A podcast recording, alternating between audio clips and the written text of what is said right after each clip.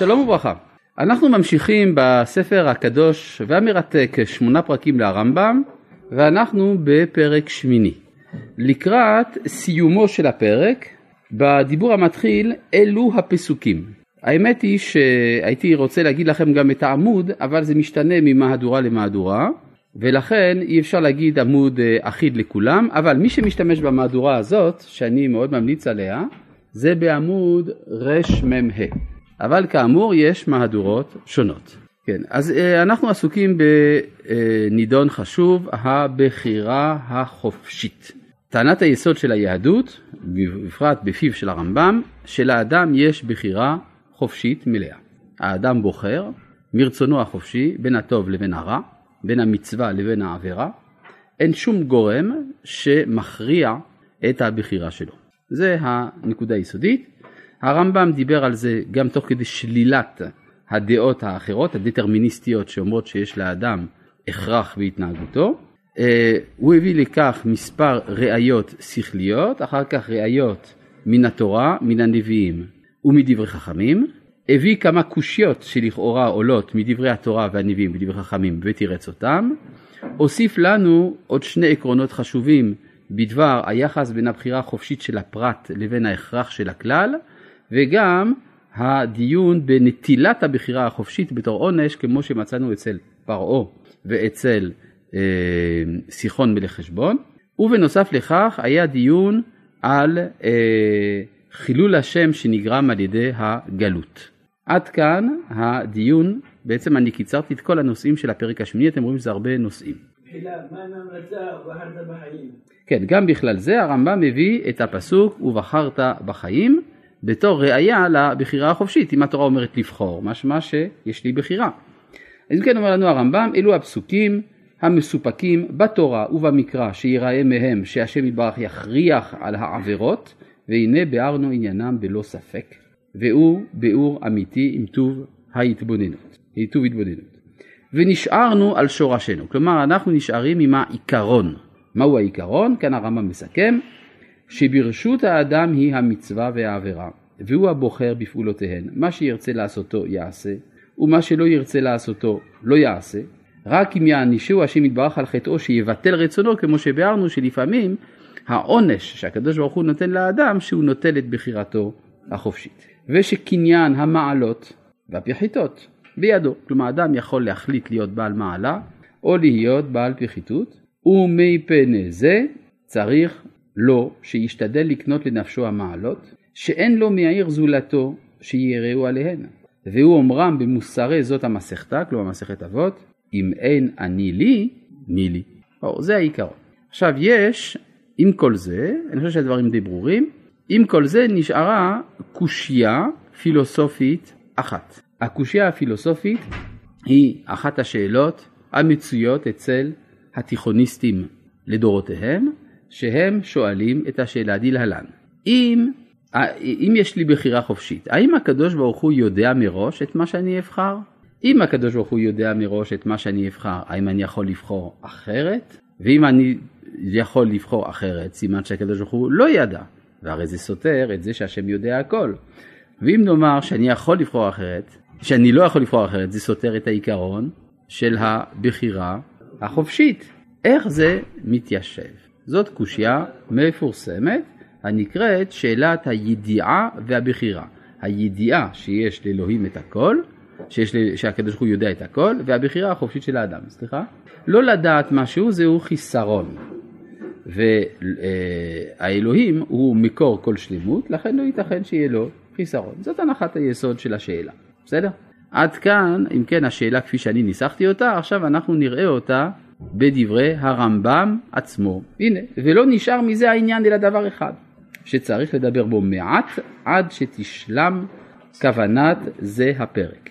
ואף על פי שלא היה בדעתי לדבר, פה, לדבר בו כלל, אבל הצורך הביאני אל זה. עכשיו אני לא מבין, מדוע הרמב"ם אומר לא התכוונתי לדבר, אבל אני כן אדבר. מה אכפת לנו אם הוא התכוון לדבר, לא התכוון לדבר? מה, מה, מה, הוא מחדש לנו בנושא הזה? הרמב"ם הרי כן מדבר על שאלת הידיעה והבחירה בספר משנה תורה, שהוא כתב אותו אמנם מאוחר יותר, וגם בספר מורה נבוכים שהוא כתב אותו עוד יותר מאוחר, אם כן, אין לו מניע לרמב"ם, מניעה לרמב"ם לדבר על הנושא. אז מדוע פה הוא אומר שהוא לא רצה לדבר על זה? הסיבה היא פשוטה מאוד. ספר שמונה פרקים הוא ספר שעניינו יסודות המוסר. יסודות, יסודות המוסר זה הבחירה בין הטוב לבין הרע, שאלת הטוב והרע, הגדרת הטוב והרע, כיצד האדם קונה את המעלות ומסלק מעליו את הפחיתויות. זהו הנושא של ספר מוסר. השאלה שאנחנו שואלים כאן על הידיעה האלוהית היא שאלה לא מוסרית אלא שאלה פילוסופית. שאלה פילוסופית זה לא הנושא של הספר הזה. איפה הרמב"ם מדבר על שאלות פילוסופיות? בספר? מורה הנבוכים. יפה. אבל כאן זה לא מורה נבוכים, זה שמונה פרקים, לכן צודק הרמב"ם שהוא אומר לא רציתי לדבר על זה, והוא גם מספר לנו שהוא לא רצה לדבר על זה כדי שנעשה הבחנה בין התחום המוסרי לבין התחום הפילוסופי. עד כאן ההסבר. עכשיו, בואו נחזור אם כן, ולא נשאר מזה העניין אלא דבר אחד שצריך לדבר בו מעט, עד שתשלם כוונת זה הפרק. ואף על פי שלא היה בדעתי לדבר בו כלל, אבל הצורך הביאני על זה. כלומר הצורך שאנשים שואלים את השאלה ולכן צריך להתייחס, והוא ידיעת השם יתברך העתידות. השם יודע את מה שעתיד להיות.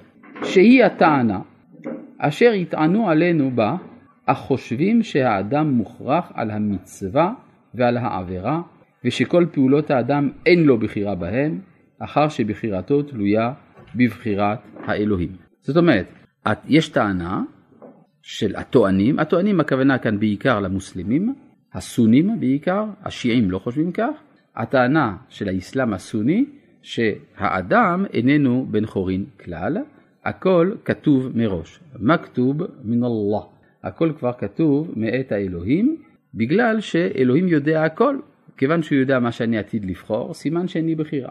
עד כאן דבריהם. וזה בעצם הטענה פה בנויה על זה שאלוהים יודע הכל. ואשר גרם לזאת האמונה הוא שישאל השואל. זה האיש. ידע בו הבורא אם יהיה צדיק או רשע, או לא ידע. ואם תאמר ידע, יתחייב מזה שיהיה מוכרח על העניין ההוא, אשר ידעו השם יתברך טרם היותו. או תהיה ידיעתו של הקדוש ברוך הוא בלתי אמיתית. ואם תאמר שלא ידע מקודם, תגיד שהקדוש ברוך הוא לא ידע מה אדם יבחר, יתחייבו מזה הרחקות עצומות ויהרסו חומות נשגבות בעניין הדת. עד כאן השאלה. לכן שמע ממני מה שאומר לך, והסתכל בו מאוד, כי הוא האמת בלא ספק. כלומר הרמב"ם יודע שכשהוא כותב כאן את הדברים האלה, יש רקע של דיון פילוסופי ארוך בשנים מסביב לשאלה הזאת, ולכן הרמב"ם אומר, מתוך כל מה שנאמר, אני חשבתי הרבה, ביררתי את הבעד ואת הנגד, מה שאני אומר לך זאת האמת. מדוע הרמב"ם אף על פי שלא רצה לדבר, כן דיבר. הרמב"ם ענה על השאלה הזאת בעצמו. הנה, מה הוא אמר כאן בעמוד רמ"ה? אבל הצורך הביאני על זה. הצורך, מה הצורך? זה שאנשים שאינם לומדים מורה נבוכים, שאינם עוסקים בפילוסופיה, בכל זאת את השאלה הזאת כן שואלים. לכן אני הקדמתי ששאלה זו היא השאלה המצויה אצל התיכוניסט, התיכוניסט עוד לא לומד מורה נבוכים, לא את אריסטו ולא כלום, אבל את השאלה הזאת הוא שואל, וזה מעכב את ההתפתחות המוסרית שלו. לכן, היה, היה צריך, מלבד זה שמורה נבוכים עוד לא היה קיים, אבל מדוע לא דחה הרמב"ם את הדיון על זה למורה נבוכים? למשל, יש עוד שאלות שאנשים שואלים, מי אמר שיש אלוהים, למשל? את השאלה הזאת הרמב"ם לא פותר כאן בכלל, אבל הוא כן דן עליה בספר מורה הנבוכים. אז כך אותה שאלה הוא יכול היה לדחות למורה נבוכים, להגיד אני אכתוב, אכתוב על זה בספר הנבואה, כמו שהוא אמר לגבי החומר והצורה בסוף פרק ראשון, החומר והצורה והדעות כמה הן ואיך יגיעו אליהן, אין זה מקומו והוא יותר ראוי בספר הנבואה אשר זכרנו. מה זה ספר הנבואה?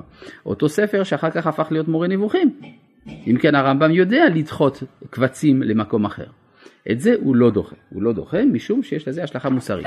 יש בעצם בפרק הזה שתי שאלות תיכוניסטיות שאנחנו דנו בהן, השנייה זו זאת, שאלת הידיעה והבחירה, אבל גם דנו בשאלה המפורסמת האם הקדוש ברוך הוא יכול לברוא אבן שהוא לא יכול להרים אותה, גם בזה דן הרמב"ם באופן מובלע בשיעורים הקודמים, בסדר? כי הם שתי שאלות תיכוניסטיות מצויות. עכשיו בואו נחזור אם כן לדברים של הרמב"ם, אומר לכן שמע ממני מה שאומר לך והסתכל בו מאוד, כי הוא האמת בלא ספק. אז אנחנו... לגבי העבד, גם בזה גם כן בהקדמה לזוהר הקדוש. אכן. עכשיו, אם כך, הרמב"ם כאן דן ב, ב, בשאלה שהוא רומז לנו שאחרים גם דנו בה, וזאת השאלה של הידיעה והבחירה. נס, אה, הדיון בזה הוא ארוך, אפשר לומר שהוא נמשך עד עצם ימינו אלה, בגלגולים שונים. כלומר, השאלה האם החירות, הבחירה, זה דבר רציני או זה לא רציני. כן? אה, גם ברגסון דן בזה, גם קאנט דן בזה, כלומר, הרבה מאומות העולם דנו בשאלה הזאת, וגם חכמי הקבלה יש להם דיונים בנושא הזה. הייתי רוצה להתחיל את השאלה הזאת בדבריו של רבי עקיבא. רבי עקיבא במסכת אבות, המסכת של שמונה פרקים הוא המקור לה, הוא ההקדמה לה. רבי עקיבא אומר הכל צפוי והרשות נתונה. הפירוש שנותן הרמב"ם למשנה הזאת הוא הכל צפוי שהקדוש ברוך הוא צופה מראש את הכל, הרשות נתונה, אומר הרמב"ם, הרשות נתונה לאדם מה לבחור. אם נלך לפי הפירוש הזה של הרמב"ם לאותה המשנה, יוצא שרבי עקיבא עסק בשאלה שמעסיקה אותנו. ומה אומר לנו רבי עקיבא? הוא אומר לנו, דע לך שזה שהכל צפוי זה נכון, ודע לך שזה שהרשות נתונה, גם זה נכון. מעניין. ומה אני עושה עם זה עכשיו? אומר, אומר לך רבי עקיבא, לא אכפת לי מה תעשה עם זה עכשיו. קודם כל, תדע ששניהם נכונים, מכאן ואילך שהפילוסופים ישברו את הראש. תכתבו דוקטורטים על זה. אבל קודם כל שתדע ששניהם נכונים. כן? הדבר הזה דומה קצת להתלבטות אחרת שהייתה אצל הפיזיקאים במאה ה-20 לגבי המהות של האור, אם האור הוא חלקיק או גל. אז אה, אחת השיטות, היום דווקא קצת בנסיגה השיטה הזאת, אבל הייתה שיטה כזאת בפיזיקה שאמרה שהאור הוא גם גל וגם חלקיק. אה, איך זה עובד? יש ניסויים מסוימים שאם אתה תעשה אותם יתגלה לך שהאור מתפקד כמו גל, ויש ניסויים אחרים שבהם אתה תגלה שהאור מתפקד כמו חלקיק, ומה אכפת לי אם אין לי דגם מנטלי שיכול לאחד את שני הדברים? ככה זה עובד, זה גם גל גם חלקיק, מכניקה גלית. טוב, ה... לא משנה אם זה נכון או לא נכון מבחינה מדעית מה שאני אמרתי עכשיו, אני אמרתי שיכול להיות לפעמים שאדם רואה שתי עובדות שמבחינתו סותרות זו את זו, אבל שתיהן עובדות. אז כך גם בעולם האמונות, אומר, אומר לך רבי עקיבא, דע לך, הכל צפוי זו אמת. הרשות נתונה זו אמת, מכאן ואילך תסתדר. מובן מאליו שהדבר הזה לא יתקבל על דעת כולם. כן, הדבר הזה גרם להרבה מאוד שאלות במהלך הדורות, והייתי רוצה להביא לכם קצת שיטות אחרות, כדי שנבין בדיוק את המתח הגדול שעומד כאן. אחד, אחת ההתייחסויות, הייתי אומר, הנועזות, המעניינות, זו זו של הרלב"ג, רבנו לוי בן גרשום. רבנו לוי בן גרשום בספר מלחמות השם, שנכתב אחרי הרמב"ם, כותב, לגבי השאלה הזאת, שהבחירה החופשית זה רציני לחלוטין, ולכן זה רציני לחלוטין שהשם לא יודע. כן, זה ה... הוא אומר, השם לא יודע הכל. יאמר, מקשה הרלב"ג, ואם תאמר, שאיך ייתכן לומר על הקדוש ברוך הוא שיש לו חיסרון? שהוא לא יודע משהו? זה בכלל לא חיסרון. כי מתי זה חיסרון לא לדעת משהו? כשזה דברים ידיעיים, כלומר דברים הניתנים לידיעה, אבל דברים שהם בלתי ידיעיים במהות, כגון מה שהאדם יבחר, זה לא חיסרון לא לדעת. לכן זה לא נורא שהקדוש ברוך הוא לא יודע, זה בסדר גמור, כן? זה לא, זה לא חיסרון, הרי זה דברים שבמהותם אפשר לדעת אותם. עד כאן דברי הרלב"ג, שמגביל את הידיעה האלוהית. כלומר מבחינתו, הרשות נתונה, לא הכל צפוי. אז הוא יפרש את המשנה הזאת אחרת. כלומר, אתה אומר שכתוב במשנה הכל צפוי, אז הוא יסביר את המשנה האחרת. כן, הוא יכול להסביר את זה שהכל צפוי במהלך ההיסטורי הכולל, כמו שהרמב"ם הסביר, דברים כאלה.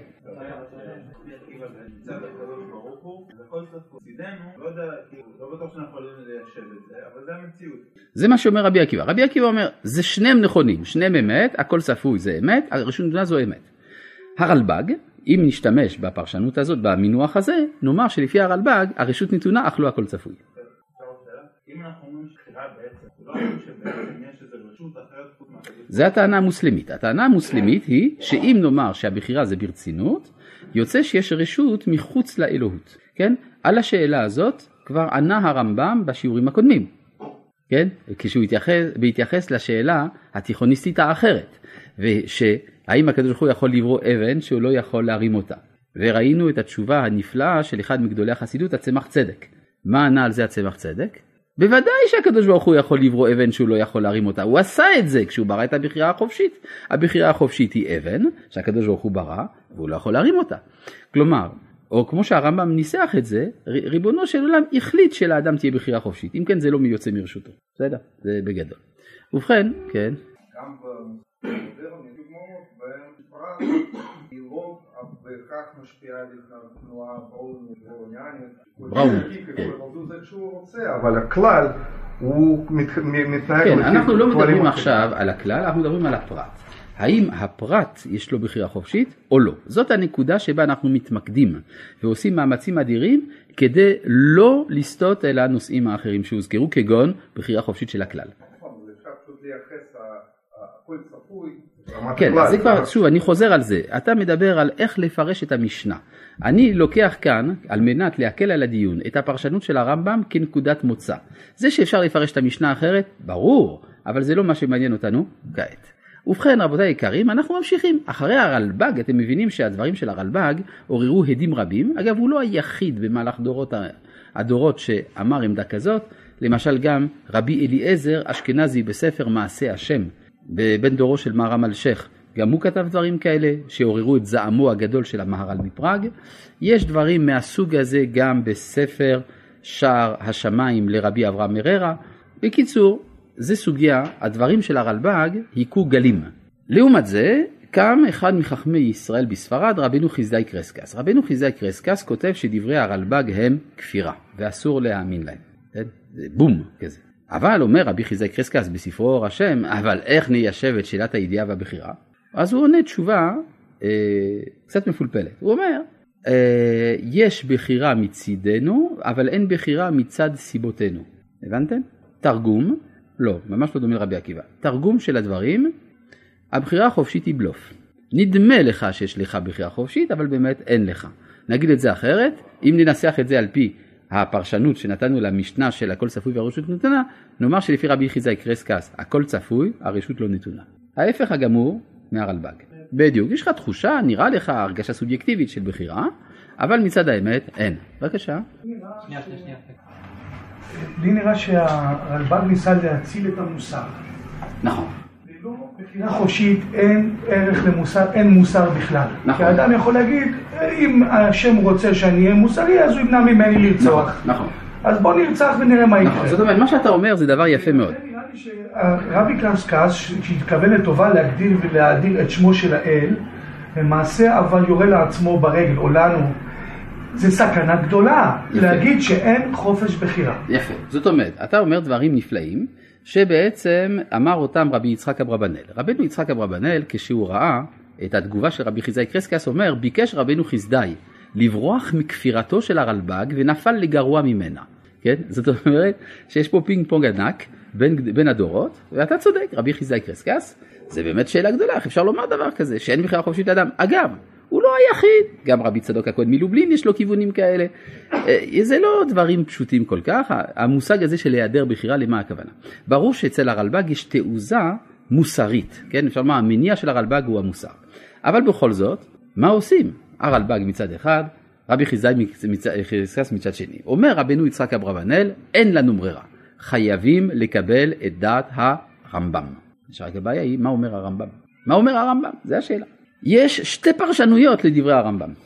יש הפרשנות של הרעב"ד, איך שהרעב"ד, רבינו אברהם בן דוד הבין את הרמב"ם, ויש, ויש איך שרבנו יוסף קארו בספר כסף משנה הבין את הרמב"ם, והוא הבין נכון. ההבנה הלא נכונה ברמב"ם, אבל זה לא אשמתו של הרעב"ד שהוא הגיע להבנה הזאת, בגלל שהניסוח של הרמב"ם בהלכות תשובה מבחינת העברית נותן מקום לשתי הפרשנויות. הרעב"ד הבין שכוונת הרמב"ם היא שאין תשובה לשאלה. על זה אומר הרעב"ד, אם זה מה שרצית לומר, למה שאלת בכלל? אל תכתוב דברים כאלה, אתה תכניס הרהורי כפירה לאנשים. ולכן אומר הרעב"ד, אני חייב לתת תשובה, למרות שהרמב"ם נשאר בלי תשובה, והוא נותן תשובה קרובה לזו של הרלב"ג. אבל הרמב"ם לא התכוון באמת לומר שאין תשובה, חלילה לא. הרמב"ם מתכוון למשהו אחר לגמרי, והוא שאין שאלה. לפעמים אדם שואל שאלה ונדמה לו שהוא שאל שאלה, מצד האמת זאת לא שאלה. הכיצד? למשל, אם אני אשאל את עצמי מהו הצבע של הקיר, האם הקיר הזה הוא בז' או לבן או צהוב, יש מקום באמת לדיון. יש מי שאומר אני לא יודע, יש מי שאומר אני כן יודע, יש מי שיגיד שזה צהוב דווקא, יש מי שזה ככה, יש מי שיגיד שזה שניהם, ויכוח. עכשיו אם אני אשאל, האם הצבע של הקיר הוא מר או מתוק? אה, מר ומתוק זה שייך לטעם, זה בכלל לא שאלה. זאת אומרת, מר ומתוק, אלה הם מושגים ששייכים לדברים הנטעמים, לא לדברים הנראים. ולכן יגיד אדם, אה, אז אתה מתכוון להגיד שזה טפל. לא, זה, טפל זה גם סוג של טעם. היעדר טעם זה טעם אפס, אבל זה טעם. אבל זה בכלל לא ש... אז מה, אז אתה לא יודע, אה? אתה לא יודע אם זה מר או מתוק. לא, מר או מתוק לא שייך לנושא, כלומר זאת לא שאלה. בעצם מה שיאמר הרמב"ם זה שהשאלה של הידיעה בבחירה היא איננה שאלה, היא פשוט היא נובעת מאי הבנה של מהות השאלה. כדי להגיד ששני דברים סותרים אחד את השני. למשל אם אני אגיד, הכוס הזאת עשויה מזכוכית והיא רכה כמו מרשמלו. ברור שיש פה סתירה פנימית כי זכוכית זה דבר קשוח ומרשמלו זה דבר רך, ברור? אבל אם אני אומר, הכוס הזאת עשויה מזכוכית וחוץ מזה הכוס הזאת היא יופלבום. עכשיו, אני לא יודע אם יופלבום זה דבר שסותר את הקשיחות של הכוס, או את היותה עשויה מזכוכית או לא. כך שאינני יודע האם השאלה היא שאלה. עכשיו, אם נחזור לנושא שלנו, הידיעה והבחירה. האם הידיעה והבחירה סותרים, זה סימן שאני מבין את שני המרכיבים של השאלה. אני יודע מה פירוש הדבר, אני בוחר. אני יודע, איך אני יודע? פשוט, זה, זה חוויה מיידית. אני בוחר. האם אני יודע את פירוש המילים השם יודע? אומר הרמב"ם, לא, אתה לא יודע מה זה השם יודע. מדוע אינך יודע מה זה השם יודע? משום שידיעתו של הקדוש ברוך הוא את הנמצאות, זה הוא בעצמו. כשם שאותו בעצמו אינך יכול להכיר, כך את ידיעתו לא תכיר, כי ידיעתו זה הוא. לכן אתה לא יכול לומר שזה סותר. אתה שאלת שאלה לא נכונה, לכן אין פה שאלה. זאת תשובתו של הרמב"ם. אנחנו נראה שזה לא כל כך פשוט התשובה הזאת, אבל קודם כל נקרא אותה בפנים, בהמשך אנחנו גם נגיע להעמקה של דבר. כן? מוכרח שאתה מאמין שאתה בוחר? זאת אומרת, האם אתה לא יכול להגיע כאילו להתבוננות כזו שאתה תבין שאתה לא בוחר? זה יכול להיות שאני אגיע למסקנה שאני לא בוחר, אבל זאת לא הדעה של הרמב"ם, גם לא הדעה של היהדות לפי הרמב"ם.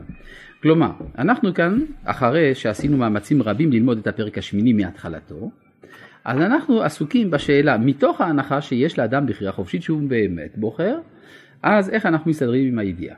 בסדר, אתה יכול לנקוט בעמדות האחרות הדטרמיניסטיות שסוברות שלאדם אין בחירה חופשית. אבל לא כך סובר הרמב"ם, הוא סובר שיש לאדם בחירה חופשית. אלא מה? הוא יסביר לנו שהמרכיב השני של השאלה הוא מרכיב בלתי רציונלי, בלתי מובן, ולכן אין מקום פה לשאלה. השאלה היא איך להבין את התשובה הזאת של הרמב"ם, גם בזה נעסוק עם עוד כמה צידדי העמקה, בעזרת השם בפעם הבאה, שלום.